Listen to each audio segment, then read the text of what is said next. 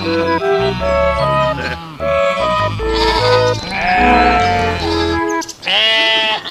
Anna! Hej Einar! Nu var det dags för ett nytt avsnitt av Fårpodden igen. Vi är uppe i Fårpodd nummer 19 redan. När vi tittar tillbaks på vad vi har gjort så har vi avhandlat en massa olika ämnen med anknytning till får. Men idag känner jag att vi har gjort något helt annat än vad vi brukar göra och det tycker jag är lite spännande. Hur menar du med helt annat? Ja, vi brukar ju prata om eh, praktiska råd, hur man ska sköta om sina får och göra det ena och det andra. Men idag ska vi gå några steg längre fram och prata om köttkvalitet och vi ska prata om eh, det här med kött från äldre djur, från tackor och baggar. Eh, Kan det vara någonting att ha? Ja, Eh, det är ju lite grann pudelns kärna det här med kötten då när man eh, föder upp får. Det det är ett viktigt ämne och adekvat för många.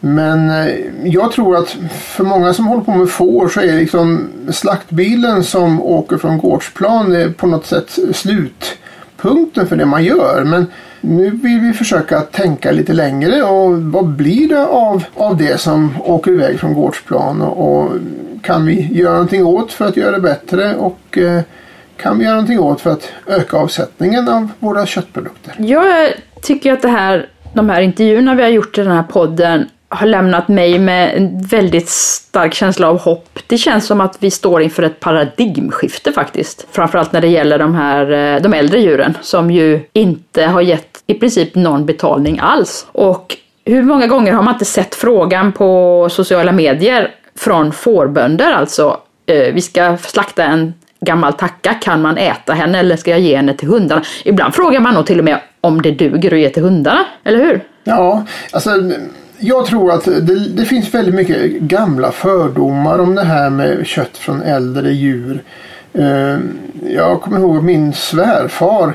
Han berättade när han eh, kom in i mitt liv att han åt minsann inte får eller lammkött. För det hade han ätit under kriget och det smakade så illa. Så det hade han bestämt sig för. Det skulle han aldrig äta någon gång. Man undrar Så vad det var för får de fick tag på under kriget, för, för det där har jag ju hört också.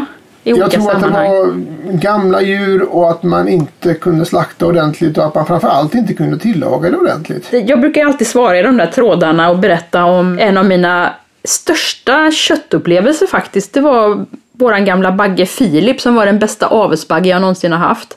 Han slaktades vid åtta års ålder och han blev det bästa kött vi någonsin har haft också. Ja, han var så, han var så fantastiskt god. Ja, baggar har ju inte gjort nå- någon större nytta i sitt liv så att eh, de, eh, de har nog ett mört och fint kött kan jag tänka mig. Ja, det var ett jättefint kött. Och det här var precis också i samma veva som vi lärde oss att grilla l- kött långsamt på indirekt värme. Och jag, framförallt minns jag högreven då som grillades på indirekt värme un- under en längre tid. Och alltså det var det bästa vi ätit. Så gamla baggar ska man inte heller slänga till hundarna utan det är jättebra mat om man tar vara på dem på rätt sätt. Alltså min, min hustru köpte en, en, ehm, en sous vide för ett antal år sedan och det där blev också en stor hit i vår familj. Alltså en, en, en långsam tillredning under låg temperatur. Eh, och när hustrun hade skaffat den här sous så gjorde vi eh, fullständig frysrensning under några månader där och plockade fram alla gamla bitar som vi inte riktigt visste vad vi skulle göra med och allting blev ju perfekt. Allting blir vide. jättegott, ja men så är det verkligen. Eh, Så att tillagningen har ju mycket, har ju stor betydelse och det är därför vi kommer att prata bland annat med en jätteduktig kock idag. Fast jag skulle vilja säga också, flika in där, att vi äter ju alltid våra äldre djur själva. Och vi lagar inte till dem överhuvudtaget annorlunda än lammen. De styckdetaljer som passar att steka jättesnabbt och äta blodiga, det kan man även göra med en tio år gammal tacka. Det blir lika bra om tackan har hängt, enligt mig. Mm, Och de styckdetaljer som passar att tillaga länge, det är samma med lammen ju. Att de är, blir väldigt goda om man tillagar dem länge. Ja, eh, som sagt var, det gäller att eh, slå eh, hål på lite gamla myter. Eh, och sen så handlar det också i förlängningen om att vi fårägare kanske kan få lite bättre betalt för våra eh, tackor som går till slakt eftersom de faktiskt är värda mycket mer än det vi får för dem till slakt idag. Eh, som ju är nästan ingenting. Eller Ja. grymt dåligt betalt får man ju för en helt vanlig slakttacka tacka till ett vanligt slakteri. Men därför så är ju de intervjuerna vi har gjort idag väldigt hoppingivande för framtiden även där. Ja, men vi har pratat med några riktigt intressanta personer tycker jag, som har ägnat sig åt att utforska det här med tackaköttets möjligheter. Och först ska vi lyssna på Claes Lövgren som är ordförande i Kronobergs fåravelsförening. Men han har också jobbat med mat under hela sitt liv. Han kommer berätta mer om, om sin bakgrund i intervjun som du har gjort innan med honom. Yeah. Och sen kommer en intervju med Stefan Eriksson som är stjärnkock och provningsledare på Exceptionell råvara. Och honom har jag pratat med. Tyvärr på en ganska skrapig linje. Jag hoppas att ni kan överse med det, för Stefan är jätteintressant att lyssna på. Två intressanta intervjuer och jag tycker vi kör dem med en gång nu. Idag har vi eh, ringt upp Claes Lövgren från Växjö för att diskutera kött från äldre djur. Eh, Claes, eh, jag ska hälsa dig välkommen till Fårpodden. Tackar. Är spännande. Du är fårägare utanför Växjö, men du har också en väldigt intressant annan bakgrund som jag tycker spelar ganska stor roll i det vi ska prata om. Så kan inte du berätta lite grann om din bakgrund? Ja, min bakgrund är att jag har ju ungefär drygt 30 år jobbat inom ICA, men även drivit två restauranger. Ju. Och eh, jag har drivit både butik och varit tjänsteman och jobbat med butiksutveckling. Mm. Sedan kan man säga då att min son eh, är kock och väldigt matintresserad så det var han som fick in mig på det här med restauranger också. Och då kan man säga det, det är ju väldigt spännande det här med smak och eh, vad folk gillar att äta ju. Det är ju inte samma sak det man äter hemma som man äter på restaurang. Nej, det brukar vara så. Så det är lite spännande. Och uh, utifrån det så jobbade jag mycket med uh, hjälpa mindre producenter att få ut sina produkter i min butik. Mm. Både med utseende, smak och förpackning. Eh, när jag hade slutat med detta så fick jag förfrågan från LRF Sydost, Rosmarie där, om jag kunde hjälpa några mindre producenter att få ut sina produkter via butikerna. Och det jobbade jag med och då kom jag i kontakt med att eh, det fanns någonting som heter exceptionell råvara. Ett antal kockar i Sverige försöker hitta det bästa grisköttet, det bästa nötköttet och det bästa fågelköttet. Och det LRF var en stor medfinansiär. Och då blev jag lite förvånad att inte lammkött och fårkött fanns med. Mm, mm.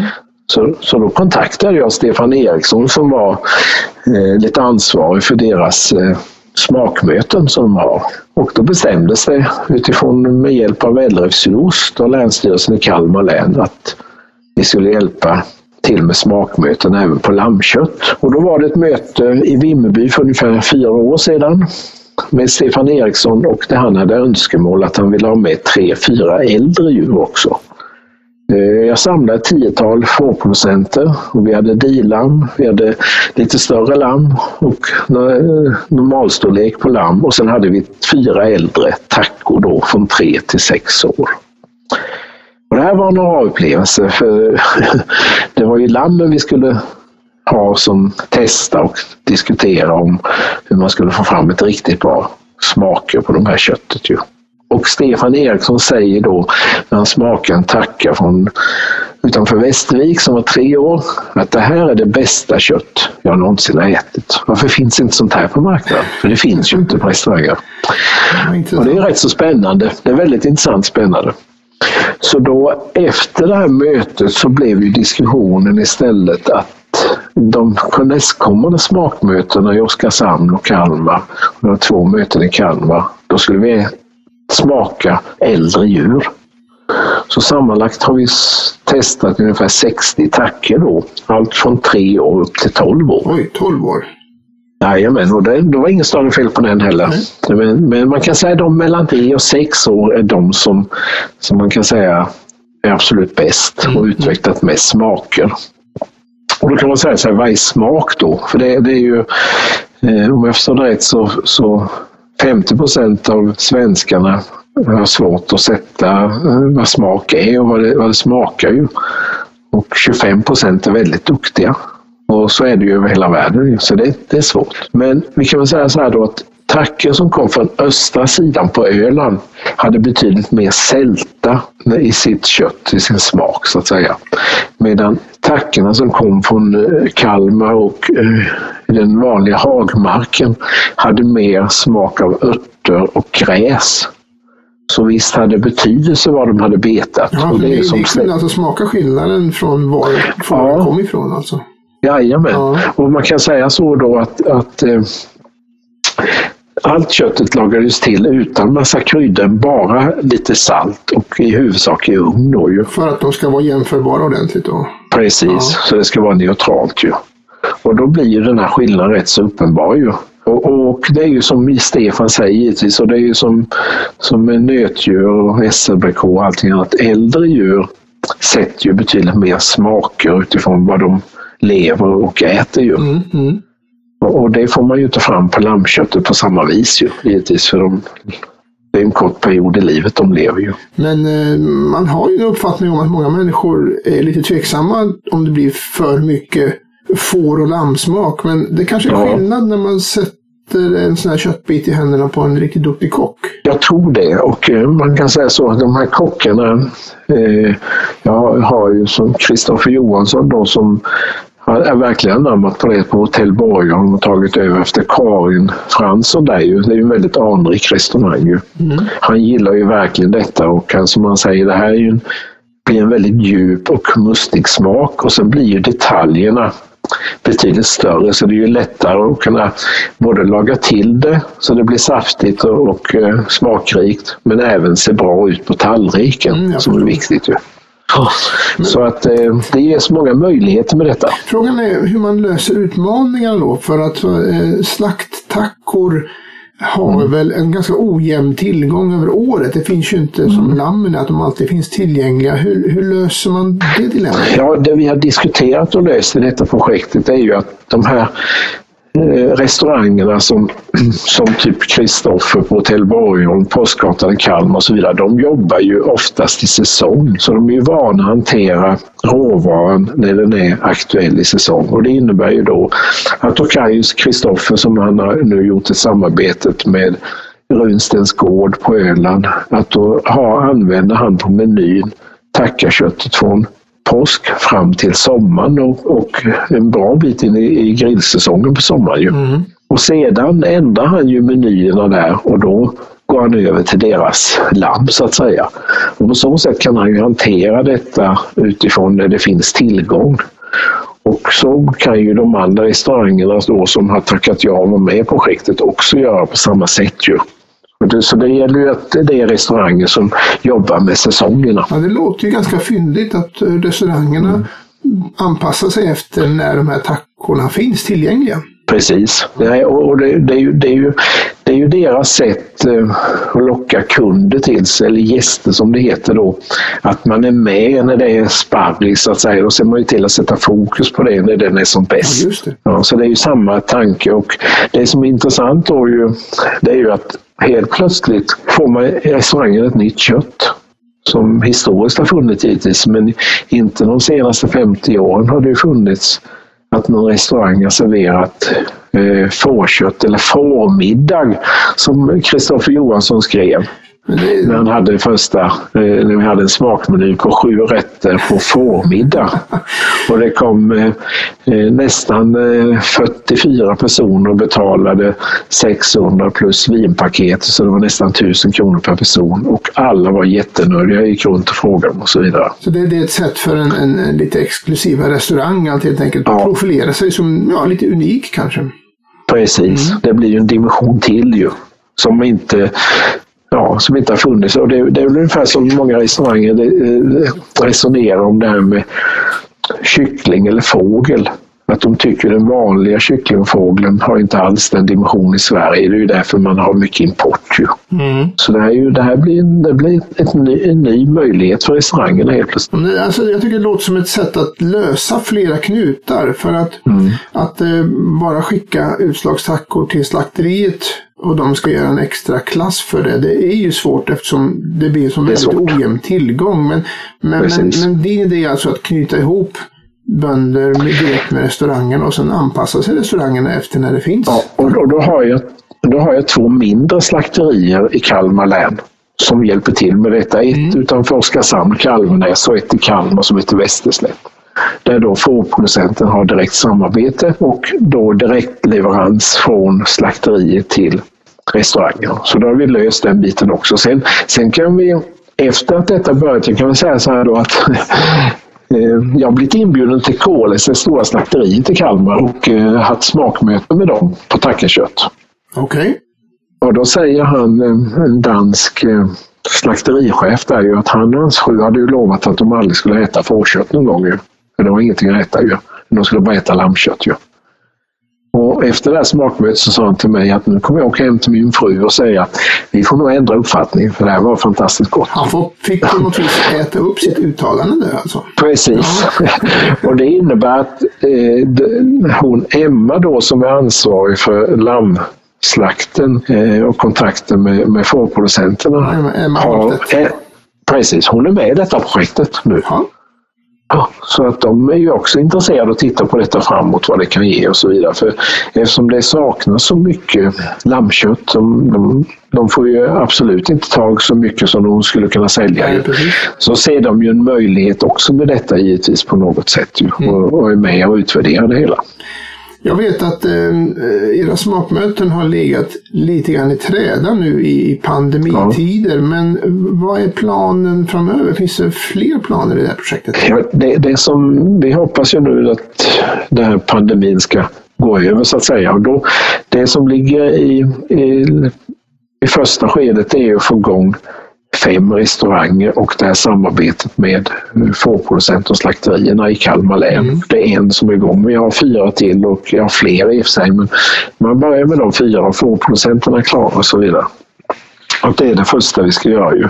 Och eh, då har vi haft lite sådana Eh, när vi börjar introducera detta på restaurangen så har vi lite så att säga, vi bjuder in särskilda gäster där de får fårets historia, fårproducenter, de berättar hur det fungerar att vara fårbonde och det här. Mm.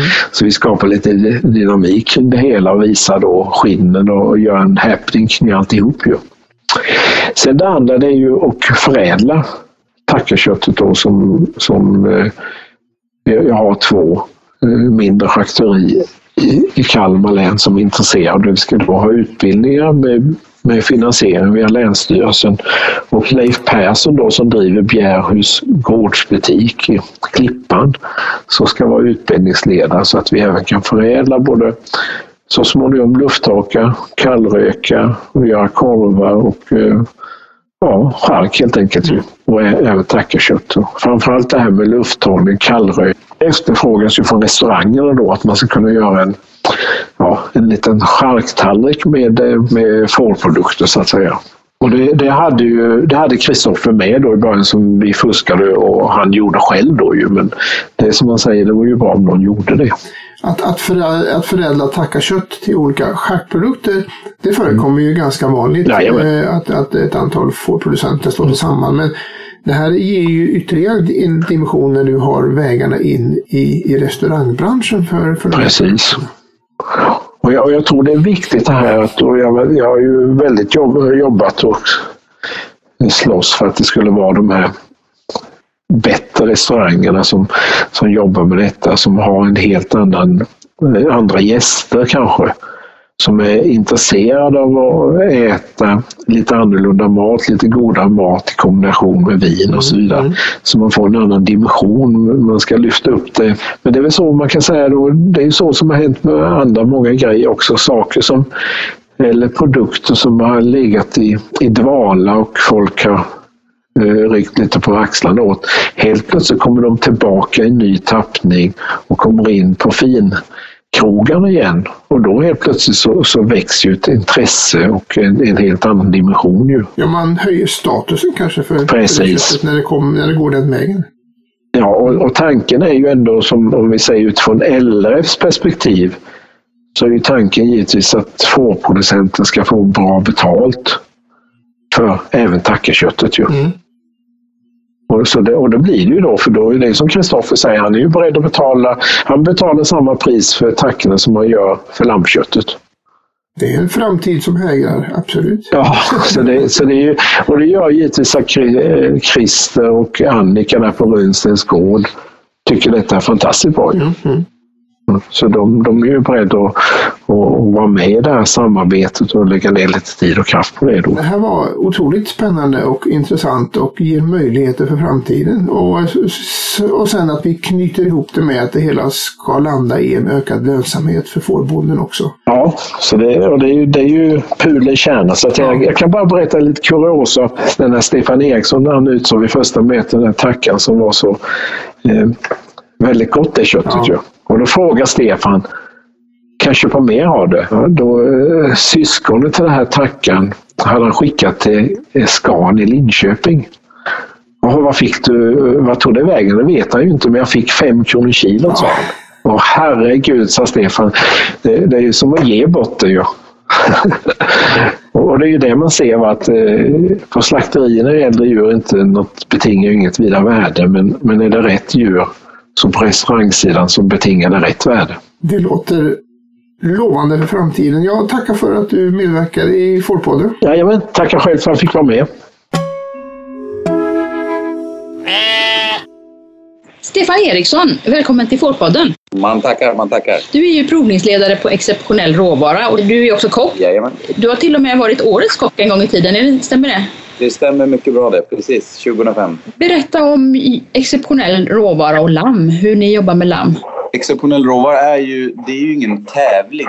Det är ju alltid bra att framhäva först för att förstå att vad det handlar om. Att det är en utvecklingsplats eh, där producenter eh, och slakteri och kockar kan mötas och prata om kvalitet. De olika parametrarna eh, att få fram är riktigt topp råvara, en exceptionell råvara. Den kan ju vara på väldigt många olika sätt så vi vill ju inte ha fram någon slags ett svar och en guldmedalj till någon utan det här är ju en mångfald som vi är ute efter. Ja, ni menar att det handlar inte om att, att, hitta ett koncept, så här ska vi göra för att få fram en exceptionell råvara, utan det handlar om att lyfta fram det som är bra med... Ja, kanske finns många, många olika sätt att få fram en exceptionell råvara. Mm. Därför är det livsfarligt att bara säga så här är, gör man. Det har vi testat rätt mycket i Sverige. Att här, vi har ju haft en sorts gris och vi har ju haft en sorts hönsfågel och vi har haft en mjölk. Alltså det har blivit sådär. Det har ju blivit... Verkligen. Och det gynnar ju inte någon bredd och en, en dynamik i en, den eh, råvaran eller produktens liksom, marknad blir liksom helt död. Ingen dynamik i den. Det blir inget... Det finns ingenting som drar. Vi behöver ju ha stjärnor, de här topp, toppråvarorna. De behöver vi få finna. Och det kan ju vara att samma producent eh, kan ju också producera en världsklassråvara. Eh, sen kan man ju ha en lite enklare nivå också. Det är ju inte man behöver ju inte liksom producera samma på allt. Och tittar du på dina får där ute så, så har ju de olika kvaliteter. Men alla säljer då sina lamm eller får då som samma. Ja, de säljs ju i samma segment väldigt mycket. Och så säljs ju alla andras eh, som har andra raser och kombinationer och uppfödningssätt och uppfödningsplatser så säljs det också som allting som samma. Ja. Det blir ju jättetokigt då för det kanske det inte är. Och exceptionell råvara riktar sig just i dagsläget mest då eftersom vi jobbar med kockar så är det restauranger och, som är fokus. Mm. Där har man en annan påverkan på gästen också, förklara. Vi berättar ju eh, om råvarorna på ett annat sätt. Än man, det är svårare att nå till konsumenten och sen är konsumenten en helt egen kategori. Så vi försöker hålla oss utanför den diskussionen. Vi, vi jobbar restauranger, kockar, producenter och slakterier. Ja, men okej. Okay. Ja, det är viktigt att förstå. Eh, ni hade ju ett utvecklingsmöte i Stockholm i måndags. Precis. Berätta lite om det. Mycket spännande. Vi hade ju lite olika råvaror då som vi... Det går ju till så att som producent planerar man in sin eh, deltagande med slakttid och, och, det ska efterarbetas. Eh, sen dyker man upp på våra utvecklingsmöten som vi har lite runt i landet och i Stockholm. Och så samlar vi ett gäng kockar och eh, producenter och lite annat folk som är intresserade av de här frågorna. Och så gör vi då som en blindprovning av den här råvaran. Alltså att vi vet inte vad det är för någonting. Och så bedömer man. Vi tillagar råvaran. Vi har en del som är eh, i rå form så att man kan då bedöma den, eh, utseendet på den. Och hur är styckningen, hanteringen, hur ser proportionerna ut, hur, vilken färg har fettet, vilken färg har köttet, vad doftar den, hur är den mjuk eller är den fuktig och så vidare. Och sen så tillagar vi den samma del eh, och gör en bedömning då eh, med hur mörheten är, texturen, saftigheten och sen såklart smaken som har mest betydelse. Då får man då träna sina sinnen och använda ord för att beskriva det här och bedöma det. Mm. Ja, men det är väldigt spännande för det blir verkligen en diskussion kring eh, smaker och det är klart att man jämför ju dem med varandra men vi bedömer ju dem på något sätt enskilt. Utgångspunkten är att man bedömer dem enskilt, inte jämför dem inbördes. Nej, precis. För det är inte, vi är inte heller ute efter att hitta den som är bäst. Det är Nej, inte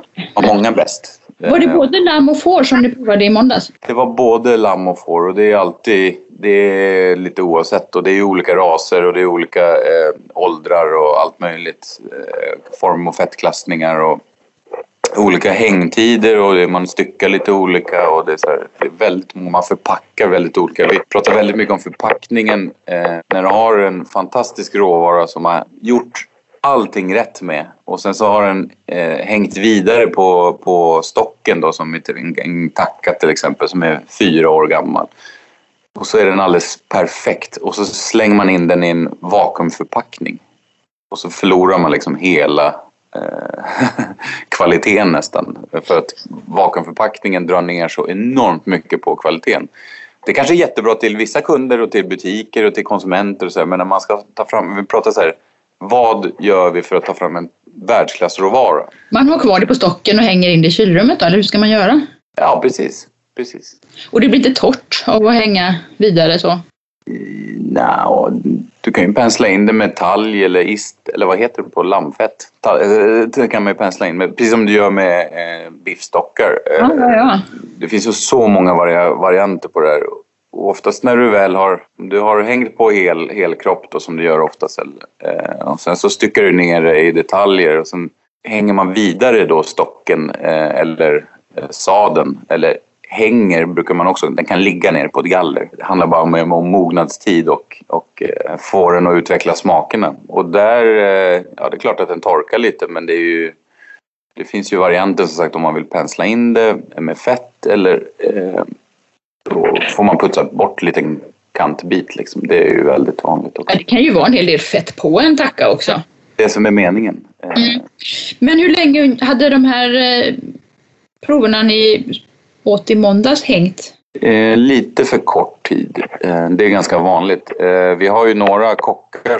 Alla har ju sina olika idéer. Det är jättebra för det är ju det som skapar också en mångfacetterad liksom, smakbild och, och arbetssätt. Eh, men vi har kockar som hänger sina lammsadlar eller eh, eh, tacka stockar på mellan 6 till 8 veckor kanske. Wow! Hade ni något sånt nu i Stockholm? Nej, det hade vi inte nu. Utan, det har vi haft någon gång tidigare och testat lite. Men sen är också, det, det, det, kan ju också vara en sak som kocken gör själv. Liksom, på ja, ja, precis. På slakteriet kan man ju inte ha den.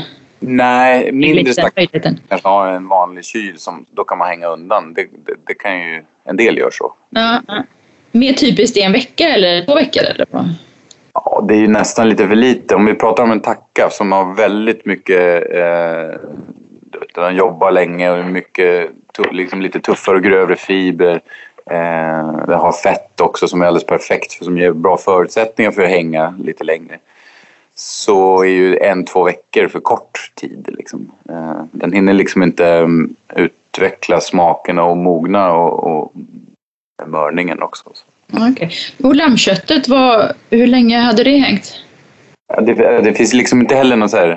Eh, det finns ju ingen regel att det ska hänga eh, någon viss tid men ju tidigare du tar det ju, ju, min, ju mindre, ju råare blir det i sin liksom, eh, och mer, det blir mer vätska i råvaran. Eh, mm. Vilket inte alltid är positivt. Så du skulle säga att hängningen har en väldigt stor inverkan på kvaliteten oavsett? Eh, ja, ja, ja absolut. Det är liksom så här, det är ja, Men intresset för hängning i Sverige är ju inte jättestort. Nej, och där ska man bara, man skiljer på så att man skiljer på att hänga på helfall eller halv eller kvart, vad man nu har för någon djurslag. Det är en sak. Det är inte själva eh, hängningen som vi pratar om ofta som kockar pratar om hängning. Då pratar vi om den som sker efter att styckat ner eh, eh, eh, slaktkroppen i delar och, och, hänger dem vidare så att säga. Ja men okej, okay, en sorts eftermognad efter man har styckat helfallet. Ja, det är som man klassiskt gör på biffstockar på. Den typen av hängning. Eh, det pratar kockar ofta. Ja, Okej, okay, jag förstår. Det är jättespännande. Men var det gott? Hittade ni något gott kött i måndags? Eh, tycker jag. Eh, vi har ju sett under de här åren, alltså lamm är ju det är, det är bra liksom, verkligen. Och vi har hittat några riktigt bra lamm också. Men, men tackorna är ju, som har högst potential liksom, att utvecklas enormt. Eh, för att det är så underskattat och förbisedd råvara eh, där mm. producenten inte riktigt får betalt. Eh, marknaden eller, konsument, eller liksom restauranger och kockar vet inte riktigt hur bra det är. För vi, har inte, vi har fått testat för lite liksom, och exceptionell råvara har fått testat för lite än så länge. Eh, vi har inte fått in tillräckligt mycket och det har inte gått så många år än. Nej. Men vi har ju några som vi har fått in några prover på. De är ju, ja, det är så bra. Alltså, det är enorm... Eh, det är enormt bra kan jag säga. Gammal bagge också faktiskt har varit bland det bästa jag har ätit. Har du, har du några åsikter om baggar? Hur... Jag har inte riktigt testat så mycket där. Eh, vi har fått in någon rå produkt tror jag. Men eh, det vore också jätteintressant att testa mer. Nej, för det finns ju någon sorts ganska utbredd uppfattning om att bagge, det, det kan man inte äta utan det kan man lägga på komposten mer eller mindre. Och det stämmer ju inte alls enligt mig i alla fall. Nej, och det, det säger en hel del om människors eh, syn på vad är mat och hur man tillagar den och hur man liksom vad, vad Nej, det är lite väl bortskämt liksom. Ja, men det är så mycket myter då på liksom. Och så tror man på dem fast man, vet, man har inte riktigt testat själv. Och det är det som är med mat, att man måste nästan få testa själv. För att... Få testa själv, ja precis. Uh, nej men det, det, finns mycket, det finns mycket att lära. Det är ju väldigt härligt att det är på gång här nu med tackorna, att synen på dem börjar vända. Ja men verkligen, det, det, vi har en enorm tillgång där och skulle, skulle det bli lite mer fart i det där, vilket jag ser att det kommer bli, eh, så kommer vi jobbar ju då stenhårt mot kockarna, få dem att försöka liksom använda det och, och få in det på menyer. Och, eh, få tillaga det och smaka det. Liksom. Det är det som är halva grejen. Då är ju de sålda. För om jag tycker det är bra, då lovar jag också att då, då tycker andra kockar det är bra. Alltså, så här, det, är en, det är en generell... Det är gott. Det är så jäkla bra eh, kvalitet på de här. Mm.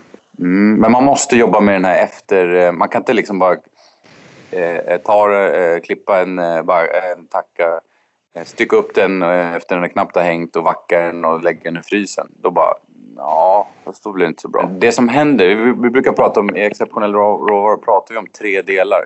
Eh, producenten och sen är det slakteriet och sen är det kocken. Eh, när alla de tre är i hög nivå så blir det en väldigt bra resultat. För kockarna kan ju faktiskt tillaga råvaran så att den inte blir så bra. Eh, så där gäller att vi är på topp. Liksom. Eh, på slakteriet kan det ske väldigt många saker med hängning och slakten och eh, pH-värden. Och, alltså, det finns så många detaljer med temperaturer, luftfuktigheter, tid som, som spelar roll. Och när den är på väldigt hög nivå eh, så blir det väldigt bra. Och när producenten gör allt sitt rätt på en hög nivå så blir det väldigt bra. Så när alla de tre stämmer brukar det landa på en väldigt hög poäng. En exceptionell råvara kräver en exceptionell behandling hela, i hela kedjan. Ja, är det inte så att alla gör eh, allting på en hög nivå eh, hela tiden taget i ända? Det skulle jag vilja påstå. Och då är det så att man måste lägga lite mer energi och, och krut på de här sakerna om man vill uppnå någonting annat. Då kan vi hjälpa till och belysa vilka punkter som är viktiga för att höja de här delarna. Vilken typ av producenter är det som brukar ta chansen att vara med på era utvecklingsmöten? Ja, men det är ju utvecklingsbenägna producenter skulle jag säga. De som är intresserade av att göra någonting eh, gå en annan väg liksom. Inte göra det vanliga. Och, och om man vill komma vidare, man känner att man har liksom fastnat, man får liksom ingen annan plats för att uttrycka det här. Och sen får man ju träffa, det bästa är ju mötet med kockarna, slakterier och, och producenter. Snacket där ska man inte underskatta. Så det är någonting som fler skulle kunna, nyfikna lammproducenter skulle kunna testa? Absolut. Utrymme för fler att anmäla sig eller? Ja, jajamän. Det, vi, har, vi har liksom ingen begränsning där på antalet. Okej. Okay. Vi ska promota det här i våra kanaler också såklart. Det vore ju fantastiskt. Du ska ha jättestort tack för att du var med och pratade i Fårpodden. Tack själv. Det här är ju så spännande och jag ser fram emot framtiden kring de här råvarorna ännu mer. Ja, verkligen. Ja, men det känns ju som vi är på, alldeles i början av någonting som kan bli väldigt bra. Absolut. Ja, det där var mycket tänkvärt och som sagt var väldigt hoppfullt inför framtiden tycker jag. Eh, vi kan eh, tipsa om att eh, Lars Hansson i Bjärhus som eh, Claes nämnde i intervjun och även mer om exceptionell råvara har vi haft med i några poddar tidigare. Vi gjorde två stycken poddar om förädling, podd nummer 8 och 9. Eh, lyssna gärna på dem om ni vill fördjupa er mer i, i de ämnena. Mm. Sen det här med som Claes pratade om att eh, man kunde matcha ihop tackor med eh, restauranger som jobbar i säsong.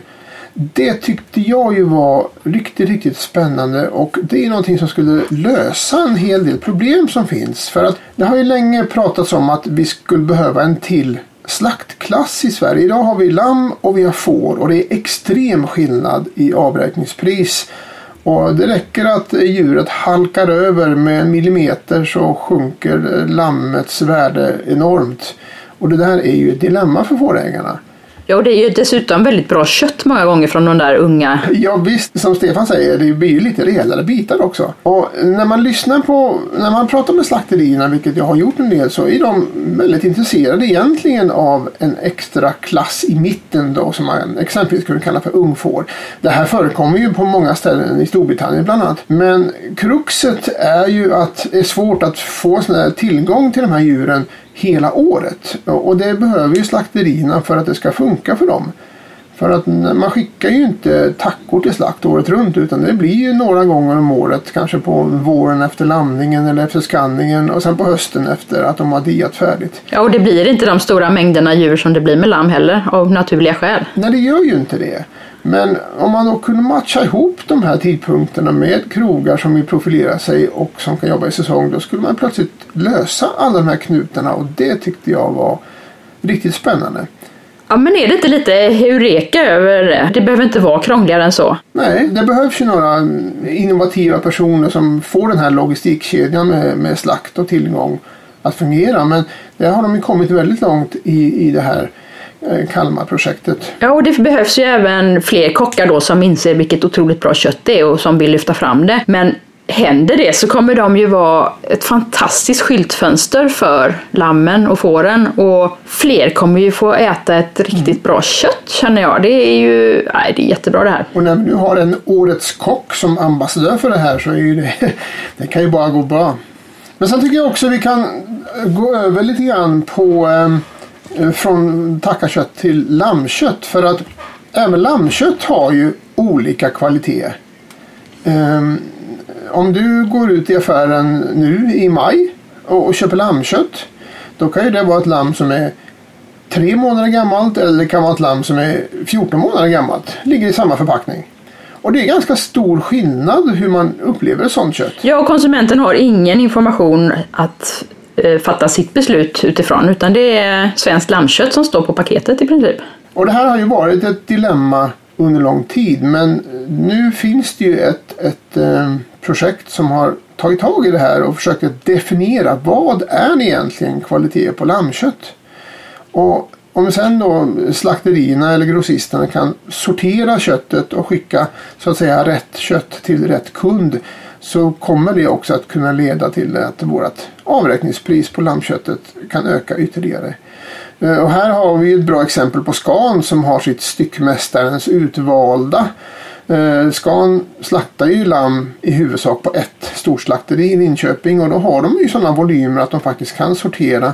Och det här styckmästarens utvalda har ju gått väldigt bra och kan då generera till lite extra betalning för fårbonden. Ja, och ju, man kan tycka också att det är det minsta konsumenterna ska kunna begära, att få veta mer om vad det är de äter. Ja, vi kommer få mer nöjda kunder också när det inte är olika på två olika tallrikar utan de får det de förväntar sig när de köper en produkt i affären. Vi ska ju röra oss över här till lamm, lammköttet nu i och med nästa intervju där Titti har intervjuat Helena Stenberg som är projektledare för projektet Lammlyftet. Man kan väl säga kort att det här är ett stort projekt om köttkvalitet som har pågått under flera år och som nu har paketerats på ett sätt så att lammuppfödarna ska kunna använda kunskapen som man har kommit fram till för att kunna producera och leverera det bästa köttet. Är det en vettig beskrivning? Ja, det finns en, en, en jättebra vad ska jag säga, vägledning, guide eh, som man kan läsa på internet eh, om man vill sätta sig in i det här och, och försöka höja kvaliteten på sitt eget lammkött. Ja, det, det kommer eh, Titti och Helena prata om i den här intervjun, så lyssna nu. Ja.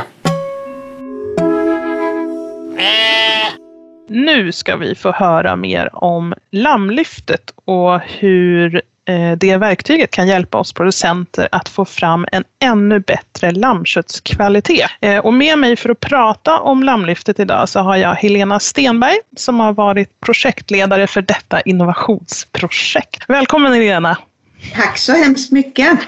Du får berätta, vad är lammlyftet för något? Lammlyftet är ju precis som du sa här ett projekt eh, som har pågått sedan juni 2017 började vi och så var det färdigt nu i december. Och målet med det eh, har varit att skapa en första, kan, brukar vi säga, en första svensk standard för lammköttskvalitet. Eh, och den här standarden skulle sedan då presenteras på ett lättillgängligt sätt och presentationen ska finnas tillgänglig på på webben, på nätet helt enkelt.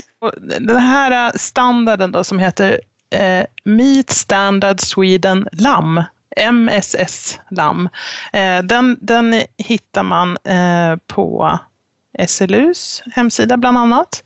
Och den består av ett antal eh, eh, parametrar som påverkar kvalitetsegenskaper. Och, så där framgår tydligt vad standarden innehåller. Och för att kunna uppfylla den här standarden så har det tagits fram ett verktyg vet jag. Ett ja. omfattande verktyg. Kan du berätta lite om vad det innehåller och hur, ja, hur det bäst kan användas av Ja, det här är ju precis som du säger ett väldigt omfattande verktyg som baseras på eh, standarden och de parametrar som standarden innehåller. Eh, och eh, när man går in i det här verktyget så hittar man dels vilka parametrar som finns i standarden, vilka gränsvärden som gäller för varje parameter eh, och eh, också mycket tips och råd om hur man kan arbeta Eh, Eh, för att hamna inom de här gränsvärdena helt enkelt om man har problem med det. Eh, och tanken med verktyget är ju att man som producent ska inte kanske läsa det från start till mål utan att oj, mina eh, lamm blir lite för lätta eller oj, jag får för feta, mina lamm blir för feta till slakt eller mina lamm växer inte tillräckligt mycket innan slakttillfället. Då ska man kunna gå in här i, i verktyget Eh, leta rätt på den här parametern och också få tips och råd om hur man kan gå tillväga. Och verktyget består både av text men det finns också ett antal inspelade filmer om man föredrar att, att titta och lyssna istället eh, för att eh, veta mer. Och det finns också faktakunskaper om bakgrunden till varför de här parametrarna som finns med i standarden finns med på vilket sätt de påverkar kvaliteten och ehm, eh, ja, vilka kvalitetsegenskaper de påverkar. Det kan ju både vara smak och det kan vara mörhet och det kan vara eh, saftighet eller vad det nu är för någonting. Då. Mm. Så hur allting hänger ihop framgår av verktyget mm. också hoppas vi. Mm. Ja, det, det, är väldigt omfattande, men som sagt, man kan gå in och välja och läsa eller titta på film. Eh, och det finns också fördjupningsavsnitt om man vill läsa mer och det finns också quizar, va, tror jag, så att man kan testa ja. sig själv. kan man göra. Det kan ju vara roligt att, börja med det kanske och ja. se hur mycket koll man har på till exempel vad storleken på slaktkroppen har för betydelse för köttkvaliteten precis. Och vi länkar eh, till det här verktyget där podden läggs ut så att eh, ni kan lätt hitta det. En annan fråga där som jag tänkte på, det finns ju också en del parametrar som eh, påverkas av slakten. Hur mm. kommer de, kommer de och, ja de har ju också tillgång till det här verktyget såklart. Eh, har du fått någon feedback där? Ja, alltså det är ju precis så som du säger Titti då, att det är ju fyra av de här parametrarna som finns med i standarden som, som slakten eh, eh, som man inte, ja man kan faktiskt påverka dem som producent men de mäts efter slakt. Och eh, vi har ju hela tiden i arbet, under arbetets gång i Lammlyftet haft slakt, flera slakteriföretag med oss eh, som har också ställt upp och, och vi har gjort eh, mätningar under, under Lammlyftet på hur det ser ut så vi vet vad vi har för nuläge Eh, och också fundering om vart vi vill komma. Och eh, vi kommer att fortsätta jobba med slakterierna här framöver nu i det vi kallar för implementeringsfasen där vi kommer erbjuda eh, ett antal utbildningstillfällen för de slakterier som är intresserade av att veta mer vad vi har kommit fram till helt enkelt. Och också fundera över hur man på bästa sätt skulle kunna få en regelbunden uppföljning av hur det ser ut när det gäller till exempel slaktkroppar. Ja, ja, men vad intressant. Då är, de med här i steg två. Vi kommer, då kommer vi ju naturligt över till det här, liksom vad som händer framåt och vad som kommer att erbjudas producenterna. Eh, mm. Jag vet att ni har haft eh, en timmes eh, ja, seminarium eller vad vi ska kalla det för. Och, eh, nu i april och maj, eh, om vi ser lite längre fram. Det är precis som du säger Titta, det, det har vi jobbat med nu och, och, i det steg vi är, det fas vi är, det är ju att vi vill att så många producenter som möjligt ska få kännedom om att den här standarden finns och vad den innehåller och börja fundera på hur man ligger till själv helt enkelt. Eh, vilka kriterier man uppfyller och vilka man kanske Ehm, ja, kan jobba lite mer med då. Eh, och då har vi haft de här som du säger entimmes eh, seminarierna eh, tre, vid tre tillfällen. Vi kommer också, eller håller just precis på att spela in små korta föreläsningar kan vi kalla det, som ligger i powerpoint-format eh, men med speakerröst. Så det blir som en föreläsning.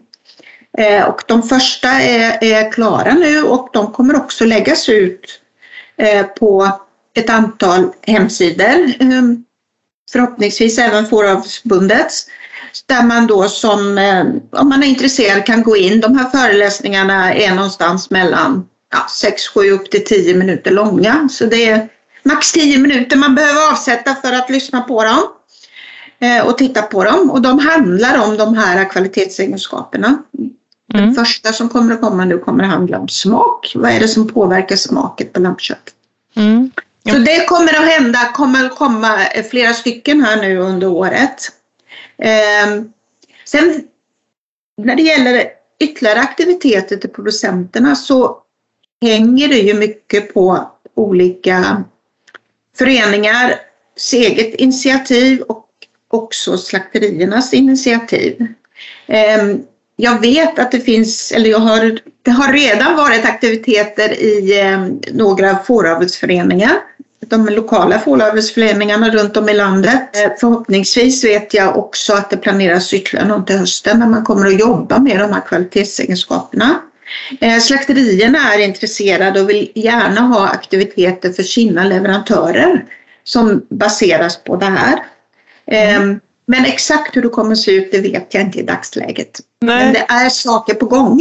Ja, vad kul. För det låter ju som att med eh, standarden på plats, med det här verktyget och de här föreläsningarna så finns det en jättebra bas, och både vad gäller faktaunderlag men också kanske diskussionsunderlag. Om man har en rådgivningsgrupp eller om man är ett en gäng producenter eh, men alltså att vi kan använda det i rådgivningen också i olika sammanhang eh, för att höja kunskaperna kring mm. hur man producerar bra lammköttskvalitet. Mm. Kan väl kanske nämna det, det har vi ju inte sagt innan, att när vi har gjort uppskattningen om hur stor andel av de svenska lammen i dagsläget som klarar alla kriterier i standarden, alltså som ligger inom alla gränsvärden för de olika parametrarna, så är vår uppskattning att det är ungefär hälften av de lamm som slaktas som klarar alla. Men en del av dem är svåra att uppskatta. Det har vi inte exakta siffror på när det gäller Nej. till exempel mörningstid eller den mm. typen av parametrar.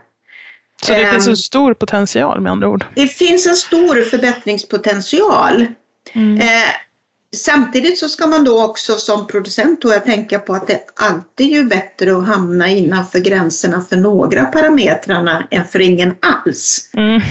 Så man behöver ju liksom inte tycka att det är eh, kört om, om det är en av de här parametrarna som man inte klarar utan det är Nej. ju väldigt bra i alla fall. Precis, alla har ju lite olika målsättningar med sin produktion. Ja. Alla har kanske inte köttproduktion som sin främsta Nej. målsättning alltid. Så det är ju en liten utmaning men alla blir ju i slutändan kött.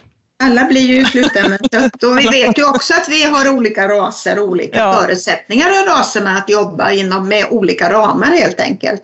Mm. Men ehm, ja. Vad hoppas du att det här kommer att leda till för Sveriges lammproducenter? Det, kan det vara, tänkas bättre betalning? Ja, utbildningstillfällen har du ju nämnt. Det kommer ju att komma säkert. Producentringar eller annat?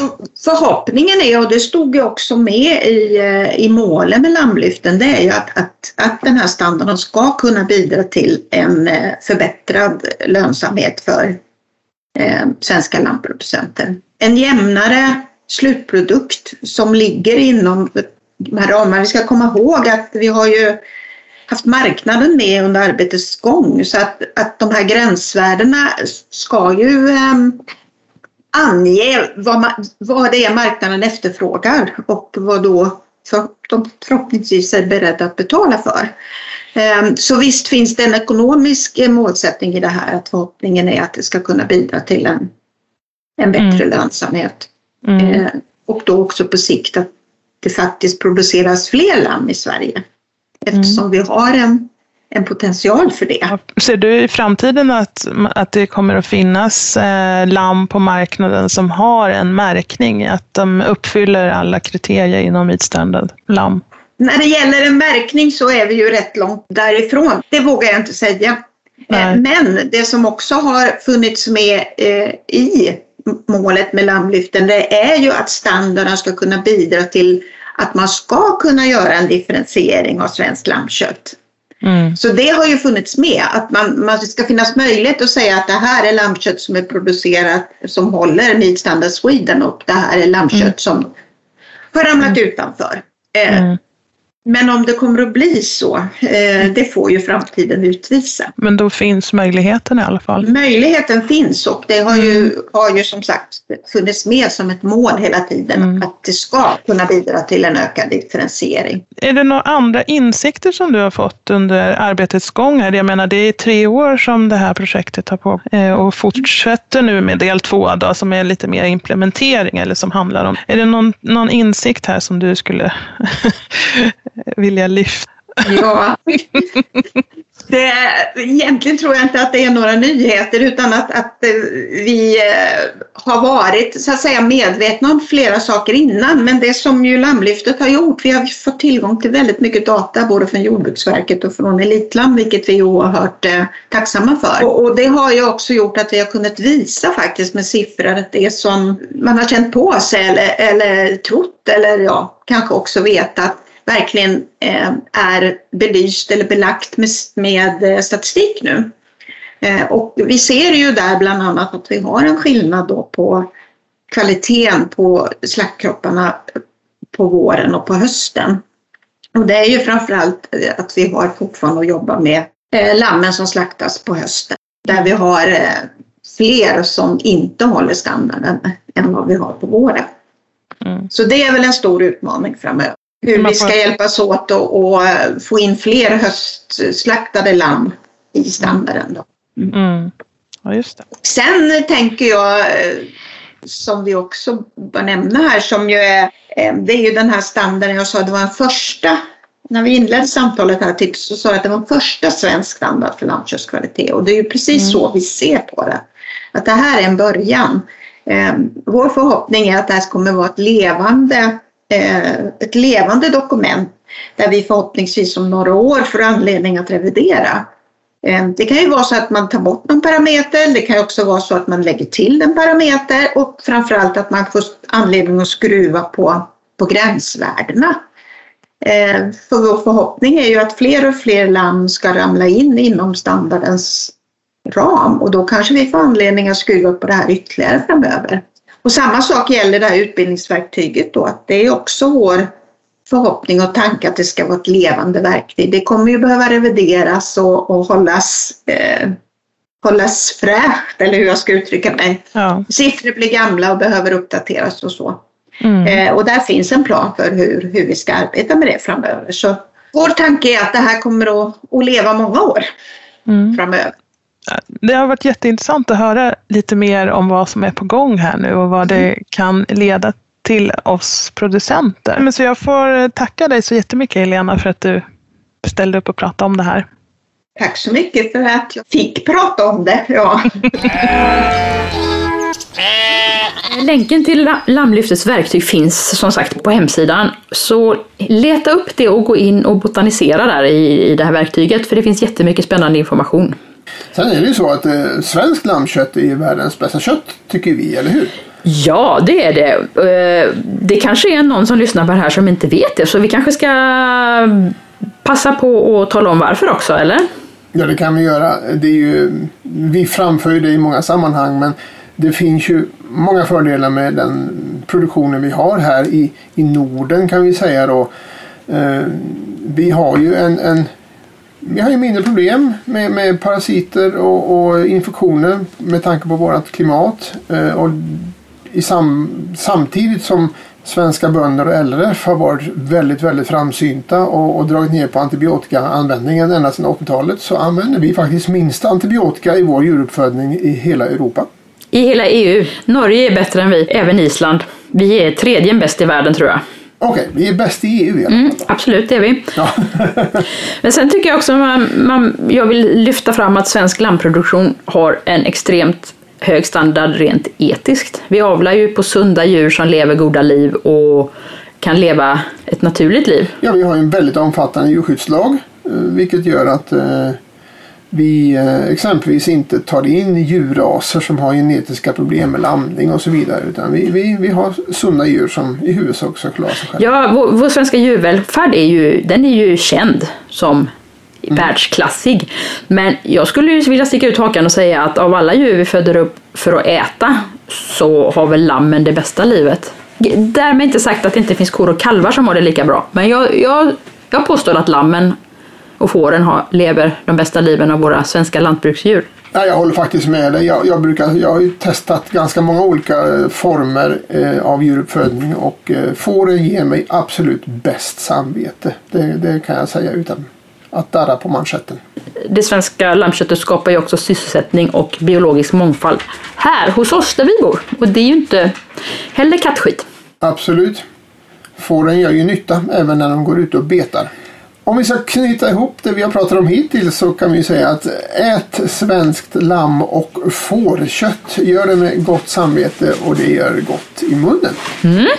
Har vi tid att prata lite om vad som händer på gården den här gången? För nu är, nu är det ju ändå en tid när det händer lite på gårdarna, eller vad tänker du? Ja, det är ju ärligt talat en av de bästa tiderna på året. Eh, när vi kan släppa ut våra djur och eh, de verkligen är där de ska vara ute i beteshagarna. Eh, det har ju varit en ganska kall och utdragen vår och det har ju tagit väldigt lång tid för gräset att börja växa åtminstone här där jag bor. Eh, så att eh, det var lite utdraget men nu har vi äntligen fått ut alla djur där de ska vara.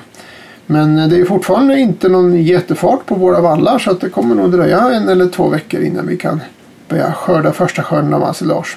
Ja, nej, det är samma här. Det har varit väldigt trögt i och med att det varit så kalla nätter långt fram i maj. Eh, Du brukar skörda ensilage ungefär nu i vanliga fall väl? Ja, nu börjar det klia i slåtterkrosstarmen i vanliga fall. Men eh, man får helt enkelt, det är ju så livet är som bonde. Man får anpassa sig lite efter omständigheterna. Mm, det är det som är charmen med det. Vi har ju ändå fått lite vatten nu, vilket eh, vi fick vänta på länge. Det har regnat en del, det sista. Ja, vatten har vi ungefär lagom av. Nu är det bara värme som saknas. Ja, jag måste säga att eh, jag är väldigt nöjd med mina kullstorlekar i år. Så jag tror att jag pratade om det i höstas, att fodra med hö mellan eh, uppstallning och eh, tills baggarna togs bort så fick fåren hö. Och det, jag vet inte om det är det som har funkat, men jag har fått tvillingar på gamtackorna och singellam eller tvillingar på ungtackorna. Några, de, de stora ungtackorna har faktiskt fått tvillingar, men jag tror att de kommer klara det ganska bra. Det ser ut så. Så det, det är jag nöjd med. Jag vill inte ha trillingar på mina gotlandsfår. Hur har det gått med dina seminlamm då? Ja, det har gått bra. Jag är jättenöjd. Fyra blev det bara som jag seminerade i sista änden, men tre av dem fick seminlamm. Jag har eh, bagglam efter briska och lång john jag, jag vet inte om jag ska rekrytera någon bagge i år. Förhoppningsvis så kan jag hålla mig från att göra det, men det är ändå väldigt roligt att följa dem. Ja, eftersom du har seminlamm så kan du ju göra så i alla fall. Ja, men det kan jag. Om någon, av de här blir riktigt bra så skulle jag kunna byta ut någon av de gamla tre baggarna. Själv har det varit lite för bra när det gäller antalet lamm. Vi, vi hade en väldigt bra säsong i fjol. och Det där följde med under hela vintern av bara farten på något vis. Och vi har haft eh, rekord hög fruktsamhet. Vilket ju är både roligt och lite jobbigt. Ja, verkligen. Men du har ju du har satt många på heatwave i år då med andra ord. Ja, vi har ju våran välsignade heatwave och vi har haft 36 flasklamm i år. Nytt rekord. Hur många lamm har du sammanlagt? Ja, vi har nästan 700 lamm i dagsläget. Ja, men då är inte 36 jättemånga? Mm, ja, det är ganska många eh, just när man ska blanda till mjölk i alla fall. Äter vansinnigt mycket mjölk. Men eh, som vanligt så har det fungerat alldeles utmärkt. Vi har börjat att vänja av eh, den första, jag vant av en tredjedel ungefär. De är jättefina de lammen. Ja. Så att eh, jag är väldigt glad åt automaten och det, det underlättar livet när vi har väldigt höga fruktsamheter. Vi hade alltså i första namnläsomgången hade vi 2,3 i snitt. Ja, det är mycket. Har du haft styrlingar och femlingar och sånt också då alltså? Ja, det har jag haft. Eller en femling och en, ja, 20 fyrlingar. 20 fyrlingar! Oj, oj, oj. Men vi har lyckats bra med adoptioner i år också och de som inte lyckas så adoptera bort dem får gå till automaten. Så att vi har ju lösningar på problemen och det känns väldigt skönt.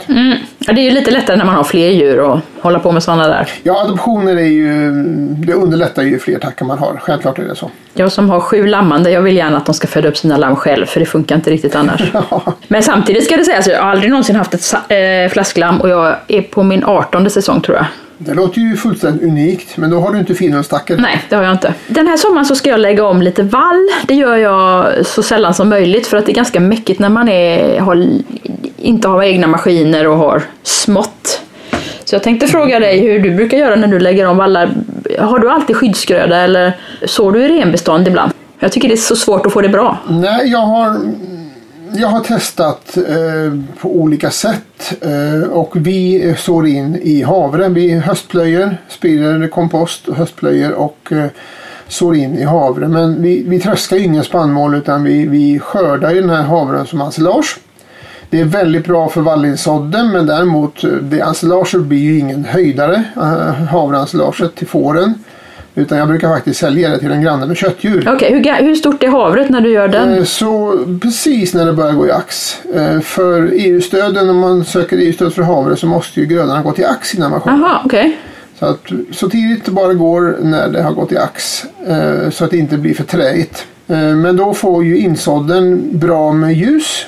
Och den andra skörden vi tar framme i september brukar bli alldeles utmärkt. Lite havre och mycket insådd. Och eh, det blir en väldigt bra säga. Ah, okej. Ja, men vad är dina erfaren- erfarenheter av att så rent bara vall?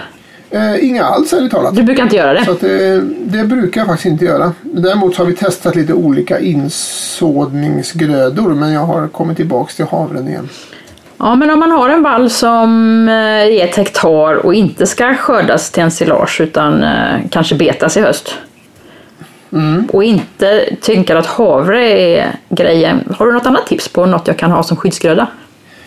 Eh, Jag har använt eh, ettårigt rajgräs eh, vid några tillfällen. Men då måste man tänka på att rajgräset växer fruktansvärt fort och förväxer ganska snabbt. Så att man behöver vara med och putsa ner den första omgången.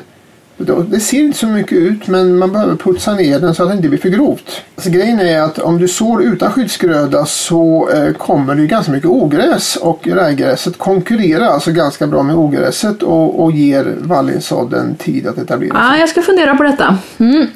Men det är ett tips, det finns säkert många andra också. Men du tycker inte det är något problem att ge sig ut och putsa på den där nysådda åkern? Jag brukar inte vilja åka på den alls.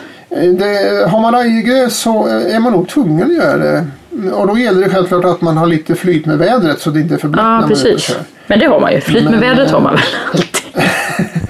Det, ja, det, det är en metod i alla fall. Ja, men tack för tipset. Det ska, jag, jag ska grunna lite på det. Eh, en person som är väldigt bra på det här med, med eh, vallodling och en massa andra saker också. Det är ju Theoren Braffer som är rådgivare på Gård och djurhälsa numera. Eh, han har en, en jättebra eh, tråd eller en sida på Facebook som heter Koll på lammen. Där lägger han ut en massa tips nu under betessäsongen på eh, hur man ska sköta sina lamm och även en hel del om vallodling. Så eh, koll på lammen på Facebook tycker jag är ett jättebra tips. Ja, följ den. Absolut. Jag känner att vi börjar närma oss. Ja, det är dags att gå ut och få lite gjort på gården också. Även denna Ja, tisdag. Eh, ni har lyssnat alltså på Fårpodden nummer 19. Eh, det här är Svenska Fåravelsförbundets egen poddradio. Vi som har gjort Fårpodden den här gången, ja, liksom alla andra gånger ärligt talat, är jag, Einar de Witt, som också är redaktör för tidningen Fårskötsel. Anna Bergström som är redaktör för Fåravelsförbundets hemsida. Och Titti Strömne från Glada Fåret. Gå gärna tillbaks och eh, lyssna på tidigare fårpoddar. Det finns en massa spännande att lyssna på.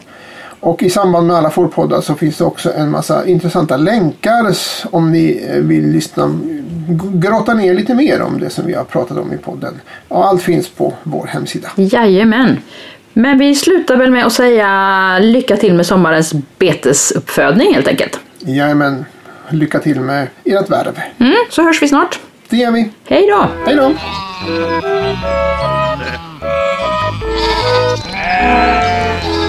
Äh.